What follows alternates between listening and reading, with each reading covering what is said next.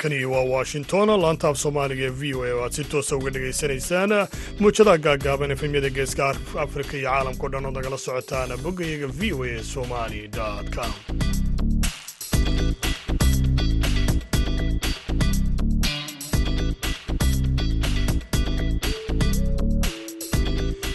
Duur wanaagsan dhammaantiinma dhegaystayaal meel kastoo aad joogtaanba waa salaasa taariikhduna ay tahay afarta bisha oktoobar ee sannadka laba kun iyo labaiyo labaatan haatan dhegaystayaal saacadda afrikada bari waxa ay tilmaamaysaa kowdiiyo barhkii duhurnimo idaacadda duhurnimo ee barnaamijka dhallinyarada. Maantana waxaa halkan idinkala socodsiin doona aniga ah cabdixakiin maxamuud shirwac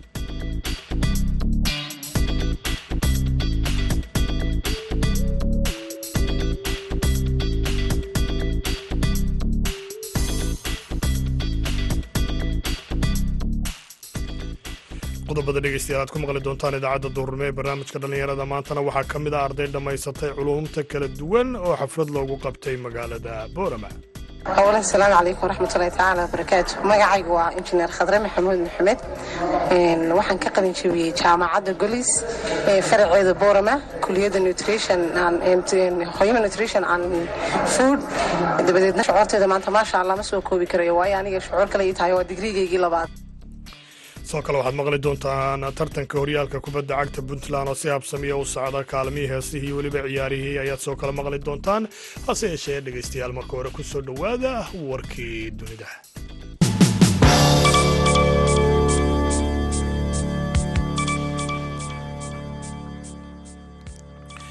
Aqalka sare ee baarlamaanka dalka ruushka ayaa maanta u codeeyey in afar gobol oo ukrain ka tirsan ay ka mid noqdaan ruushka iyagoo hore u sii soconaya amaba ku sii dhaqaaqay hanaankan oo ay cambaareeyeen ukrain iyo xulafadoodu. Sidoo kalena uu xogayaha guud ee qaramada midoobay antonius gutras uu ku tilmaamay xiisad halisa oo sida oo kalena aan lahayn qiimo sharci. Aqalka hoose ee baarlamaanka ruushka ayaa iyagu hore u ansixiyey arrintan kadib markii ruushku uu qabanqaabiyey waxay ugu yeedheen afti ay ka qaadeen afar gobol oo ciidamada ruushku ay ka haystaan ukrain ukrain ayaa sheegtay in codaynta loo qabtay hannaan xooga islamarkaana aanay ka turjumaynin. Dadka ku nool donisk luhanesk sabrisia iyo weliba khirson kuuriyada waqooyi ayaa maanta dalka jabaan ka dul riday ee gantaala nooca baalistiga loo yaqaano. Xiisadan oo aana in muddo ah la arag ayaa keentay in jabaan ay subaxnimadii salaasadan maanta daadgureeyaana dadkii deganaa dacallada waqooyi ee gobollada hokido iyo weliba amori hirokozu matsusuno oo ah xogayaha golaha wasiirada jabaan ayaa warfidyaanada u sheegay in gantaalka la riday toddobadii iyo labayo labaatan daqiiqo ee subaxnimo. Ka hor inta aanu ku kala daadan aagga xorta ah ee badweynta basifiga labayo labaatan daqiiqo kadib taliyaha guud ee ciidamada kuuriyada koonfureed ayaa isaguna ku tilmaamay gantaalkan la ganay. Mid ah nooca dhexe baalistiga ah kaas oo laga soo riday aagga waqooyi ee jangang islamarkaana ahaa mid jarayay masaafo dhan afar kun iyo shan boqol oo kilomitir. Sidoo kalena kor u socday sagaal boqol iyo toddobaatan kilomitir. Ra'iisul wasaaraha dalka jabaan fumio kizida oo salaasadan maanta ay ugu buuxda sanad guuradiisii koowaad ee dalkaasi intii uu maamulayay ayaa isaguna si xooggan u cambaareeya gantaalkan la riday islamarkaana ku tilmaamay ficil aada u foolxun dhegaystayaal warkiina waa naga intaa u diyaar garooba. Qaybaha kale idaacadda duhurnimo ee barnaamijka dhallinyarada maanta.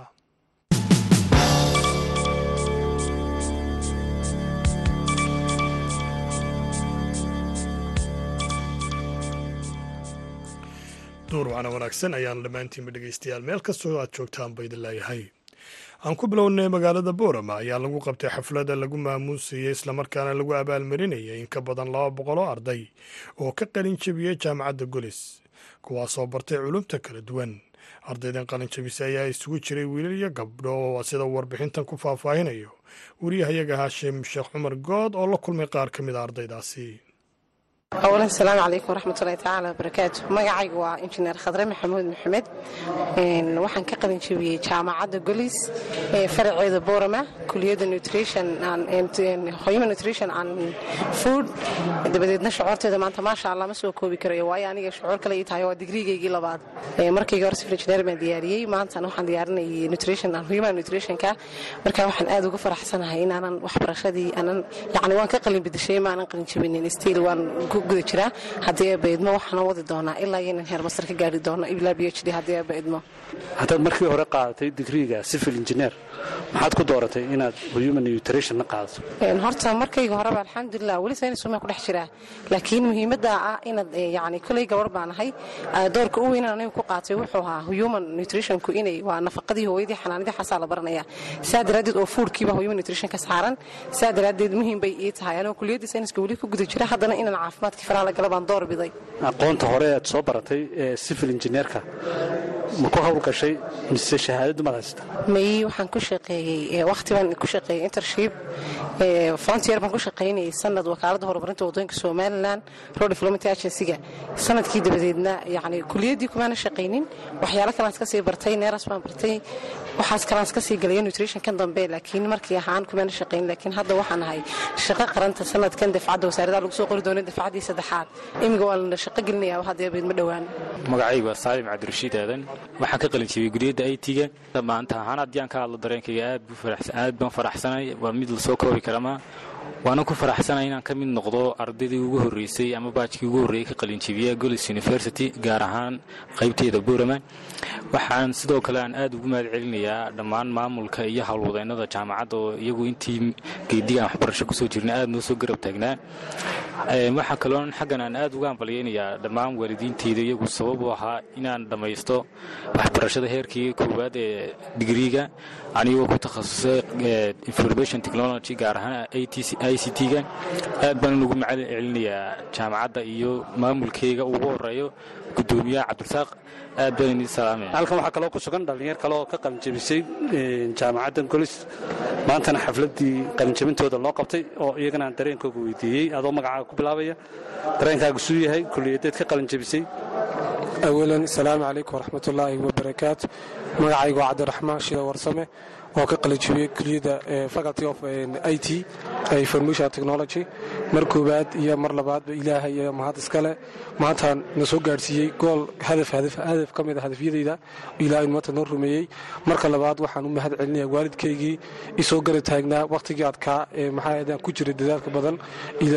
Waalidkayga mahadda leh mahadda saddexaad waxaan mahad celinayaa macallimiintaydii aan maalintii aan maalintii aan imanayay golis anoo wax kala saxayn aan yimiday ee maanta soo bartay cilmiga maanta soo gaarsiisay aad iyo aad bay waxaad u mahadsanyiin bismillahi raxmaan raxiim magacaygu waa cabdixakiin maxamuud boobe. Waxaan ka qalinjebiyey fakaltiga lowga amba qaanuunka jaamacadda gulis.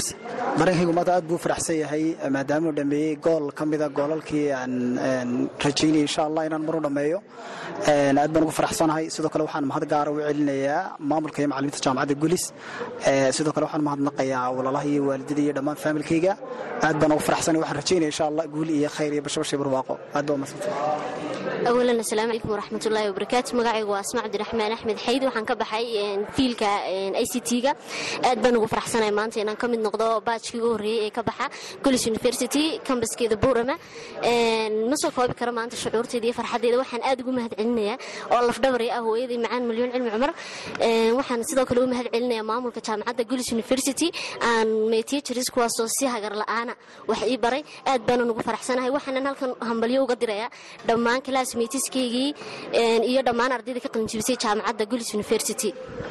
Kuwaasi waxay ahaayeen dhallinyaradii maanta ka qalinjebisay jaamacadda golis faraceeda magaalada boorama oo aan ka waraysanay dareenkooga iyo shucuurtooda qalinjebinta maanta xafladooda loo qabtay.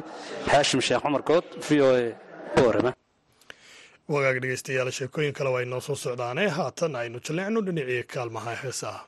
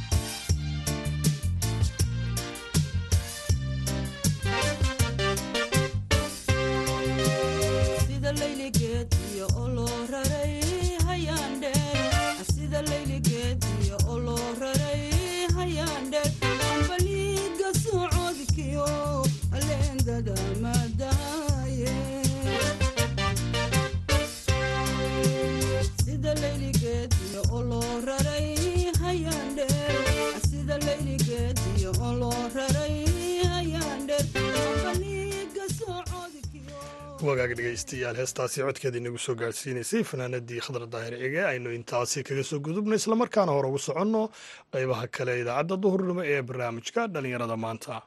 Haatana boosaaso xidhiirka kubadda cagta ee puntland ayaa ka hadlay sida magaalooyin puntland ka mid ah ay uga socdaan. Tartanka horyaalka kubadda cagta ee puntland oo ay sanadkan ka qeybgelayaan sagaal kooxood iyo weliba in ku dhow laba boqol oo dhallinyaro ah si ay u soo bandhigaan xirfadooda islamarkaana loogu qaato ciyaarista koobka gobollada soomaaliya. Madaxda amaan idhaahda madaxa tartanka xidhiirka kubadda cagta puntland mustafa cabdiraxmaan majacase ayaa sheegay in tartanka ay ka soo baxeen ciyaartoy wanaagsan oo matali kara qaranka soomaaliya. Waxaana warramay wariyahayaga ah yuusuf maxamuud yuusuf horyaal kubadda cagta puntland waxaa ka qayb gala sagaal kooxood sagaalkaa kooxoodii waxay isugu tagaan homi awey tartankani waa tartanka horyaal kubadda cagta puntland. Wuxuu marayaa meel gebagaba ah iyadoo oo kulammada siddeed iyo labaatanaad iyo sagaal labaatanaad la ciyaari doono lixda bisha tobnaad labakuniyoabaatanka toddobada bisha tobnaad labakuniyoabaatanka kulamadaas waxay kala dhici doonaan magaalada qardho oo ay marti ku tahay s b c oo la ciyaari qardho f c halka kooxda horseed ay la ciyaari doonto dhigeeda hambabaro tartankani guud ahaan waxaa ka haray haddii kulamadan ay wiigan ay dhacaan waxaa ka haraya toddoba kun horyaalka kubadda cagta puntland. Horyaalkan waxaa loo kala qaaday dhibca tirsi. Hadda waxaa hogaaminaysa kooxda s b c football club oo afar iyo toban dhibcood leh. Waxaana rajaynaynaa insha allah inaan tartankan geeda ku dhammaado. Guud ahaan cayaartooyda ka qayb gashay waa laba boqol iyo toddobaatan cayaartooy oo xirfadooda iyo skiiliskooda aad u sarreeyo tartan markii la qabtana waxaa laga faa'iday in cayaartooy xirfadooda u sarreysa ka soo baxaan. Waxaana rajaynaynaa inay anfici doonaan gobolkooda iyo puntlandba iyo soomaaliyaba. Oo dhallinyarada soomaaliyed meel kastay joogaan xirfadooda sarreysa ay ka soo qaataan. Marka waxaan leenahay xiriir kubadda cagta soomaliya mas'uuliyiintooda inay wax ka bedeshaan habdhaqankii hore. Waaya waxaan rabaa inaan ku weydiiyo mustafe tartankan muddo badan ayuu hakad galay. Maxaa xilligan ku soo beegay in la ciyaaro? Waa mahadsan tahay. Tartankan xilligii la furay horyaalka kubadda cagta puntland laba kun iyo labaatankii bay ahayd. Waxaana sababay in uu mataqaana hakad galo iyadoo xilligaas mataqaana ciyaari gobollada puntland soo dhex galeen. Ay soo dhex galeen xilligii doorashada ururka kubadda cagta la qabanayay. Kabacdi qorshadii qabanqaabadii. Haddana si toosa oo habsamile buu u socdaa wuxuuna soo gabagaboobi doonaa afarta bisha kooiyo tobnaad laba kun labiyo labaatanka. Cayaarta ugu dambeysa waxay ka dhici doontaa magaalada dhaqaalaha boosaaso iyadoo isku arki doonaan kooxda bari f c hambabaro sanadkan tartanka waa ka duwan yahay tartamadii hore. Marka tartankan ma lais oran karaa waxaa ka soo bixi karaa dhalinyaro da'yar ah oo matali karaa puntland ama maamul goboleedyada kale ama ilaa heer soomaaliya maadaama maalinba maalinta ka dambeysa garoomada waaweyn ay soo badanayaan. Horyaalada isteydada jubbaland dhowsumreeb baydhabo kismaayo meelahaas baa magaranaysa lagu qabtaa laga abaabulaa. Laakiin horyaalka kubadda cagta puntland maadaama puntland la isu socon karo kilomitr bay kooxdu maraysaa. Kulamana awey bay u tegeysaa hoomna waa loogu imaanaya. Kooxdan safar bay baxaysaa waxeeda iyada isu qabta. Urur kubadda cagta puntland wuxuu abaabulayaa inuu garsoorkii iyo irtibaadda ciyaarta oo diyaarsho marka waa tartan ka duwan tartamada dalka laga qabto oo waa tartanka ugu sarreeyaan is ohan karaa oo soomaaliya laga qabto. Maadaama kooxuhu hoom iyo awey isugu tegayaan taasna waxaa sababay nabadgelyada puntland ka jirta oo ay ka shaqaysay dowladda puntland iyo shacabka reer puntland in kooxaha si nabadgelya ku maraan waddada dheer. Waxaa soo hadal qaaday xiriirka kubadda cagta ee soomaaliya. Maadaama tartamadan ay ka soo baxayaan dhalinyaro xirfad leh qorshaha puntland maugu jiraa in muqdisho la geeyo dhalinyarada xirfadooda sarreyso si u matalaan qaranka ama horyaalada kale ee muqdisho. Kole sidii dowladdii dhexe meesha uga baxday xiriir kubadda cagta soomaaliyeed muqdisho unbuu ka shaqaynayey isteedyadoo iska soo gaargaarayey inkastoo waxqabadkiisa oonu ku badnayn. Haddana waxaan rajaynaynaa hadda doorashaa dhici doonto in wax la wada leeya la dhisan doono dastuurka la fuli doono qof kastoo soomaaliya xuquuq ku yeelan doono laakiin dhallinyarada xirfadooda kooxda horyaalka ku guulaysatay waxaan rajaynaynaa isteedada laga qabto horyaalka soomaaliya cidda qaada in la wada ciyaarsiin doonaan siday qorshahu yahay ballantu ahayd. Taasna xilligeeda insha allah noqon doontaa. Laakiin waxaan filayaa laba boqol toddobaatan cayaartooy baa hadda waxaa loo wadaa horyaal gaalkacyo oo regional leaguei uu ka socdo laba boqol iyo afartan cayaartooy baa cayaaraya garowe boqol iyo konton cayaartooy baa ciyaaraya regional league oo shan kooxood ah gobollada kalena waa ka abaabuleynaa laakiin hadda macallinka hadda lama magacaabay toddobiy toban jirada horyaalka way ku jiraan cayaartooy toddobiy toban jira oo xirfadooda aada u sarreyso. Maxaa idinka hortaagan marka puntland xaqiiqdii dee say dowladdii dhexe soomaliya meesha ku baxday xiriirka wuxuu ku koobnaa soomaaliya dastuurkeeda waa xilligaa la qoray iyo waxay ku darsadeen. Laakiin hadda insha allah waxaan rajeyn dastuurka la furi doono wax la wada leeya lagu qori doono kooxaha puntland ay xubin ka noqon doonaan insha allah furitaanka dastuurkaas. Si uu tartankan u furmay waxaa soo baxaya ganaxyo dhallinyarada la dul saarayo ganaxyadaasi maxay ku mutaysanayeen dhallinyarada kole tartan marka la qabanayo marka ugu horeysa waxaa loo qoraa xeer tartanka lagu maamulayo wax walbay ku dhan yihiin. Xeerkaas waxaa loo qaybiyaa kooxaha waxaa loo akhriyaa kooxaha waxaa loo dhibaa mas'uuliyiinta. Ciddii qodobadaa jebisa baa ganaaxu qabaya hadduu edabdaro sameeyo hadduu ciid aflagaadi hadduu social media wax intaba ganaaxaas waa qabanaya. Laakiin hadda cayaartooyda la ganaaxay waa kuwa iyago aflagaado geystay kuwa gacan geystay. Intaba mataqaanaa waa wixii xeerka ku qorna ciddii jebisa in mataqaana lagu qaadayo. Marka waa wax standardska oo markii horeba la qoray. Marka qofka cayaartooyga waxaa laga rabaa shuruucda tartanka lagu maamulaya inuu ilaaliyo qofka hadduu laacib yahayna dee akhlaaqdiisuna wanaagsan tahay wax kastoo khaldan uu iska ilaalinaya. Laakiin badanaaba dadka mataqaana xoogaa laga fiican yahay baayad darrada sameeya. Tartamada waxaa lagu ciyaarayaa garoomo kala duwan. Midna waa ciid dhallinyarada dhibaatay ku qabaan midna caws. Kan boosaaso guddi ayaa la magacaabay oo u qareemi doona garoonkan si looga bedelo jawigu hadda uu yahay xaggee waxay idiin marayaan u qareemidii garoon kubadda cagta boosaaso igu soo mahadsantahay guddiga waxaan filayaa dhowr beelood buu magacaaban yahay. Xilliyadu magacaabnaana mar ay suuqii oo hargeysa gubtay oo boosaaso dhaqaale loogu ururinayay aan garoon wax loo dooni karin iyo mar abaare timi oo ummaddu waxay cunaan raadinayay.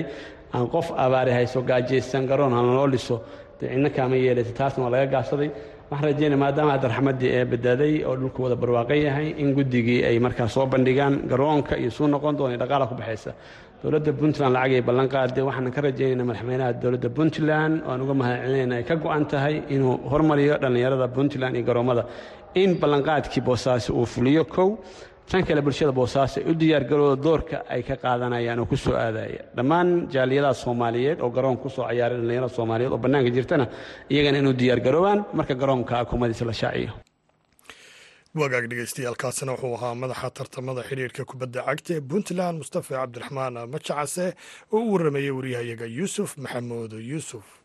Haatana dhegeystayaal ku soo dhowaada xubintii ciyaaraha oo inoo hayo maxamuud mascade.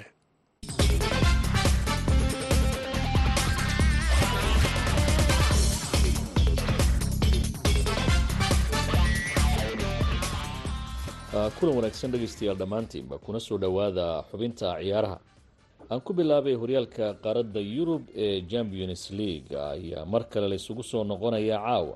Gruupka e waxaa foodaysdaraya kooxaha ix iyo napoli halka liverpool iyo rangersna ay guriga liverpool ku wada ciyaarayaan.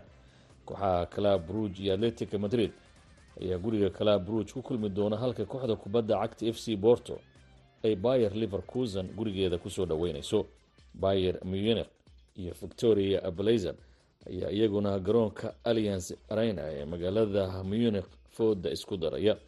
Inter milan sansiro stadium waxay ku soo dhaweyneysaa kooxda kubadda cagta ee barcelona.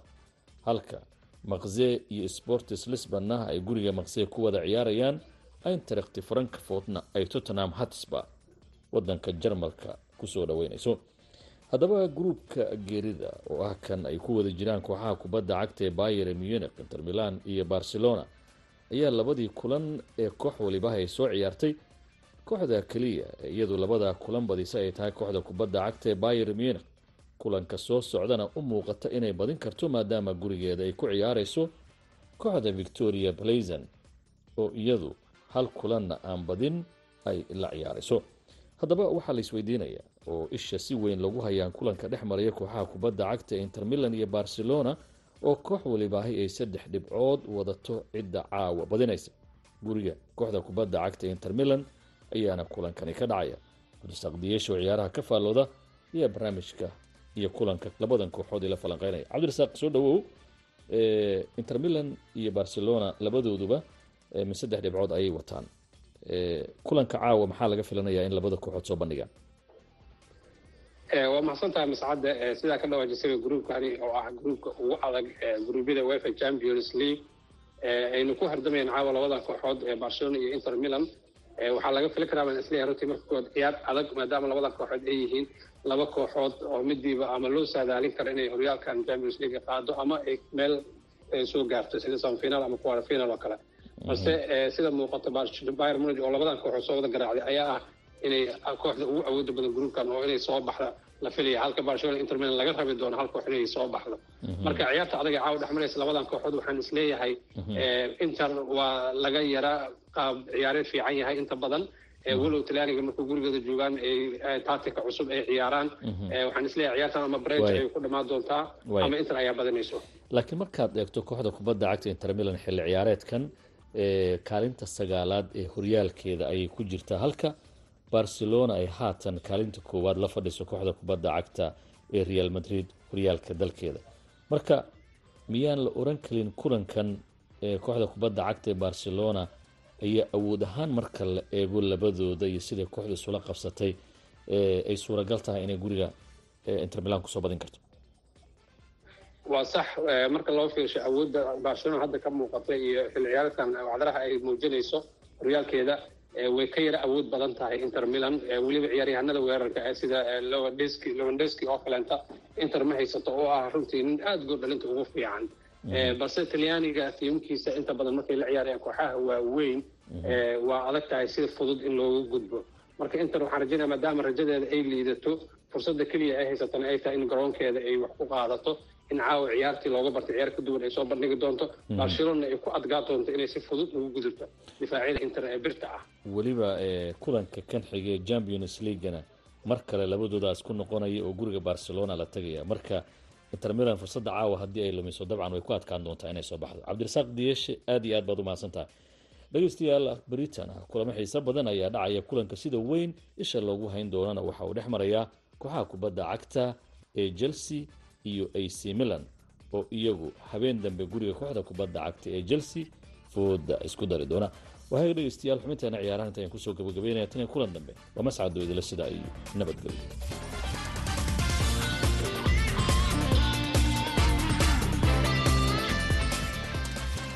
halka weli aad nagala socotaana waa idaacadda duhurnimo ee barnaamijka dhallinyarada maanta. Gebagabadii ayayna dhegeystayaal maraynay haatanna aynu mar kale dibu jaleecno dhinacii heesaha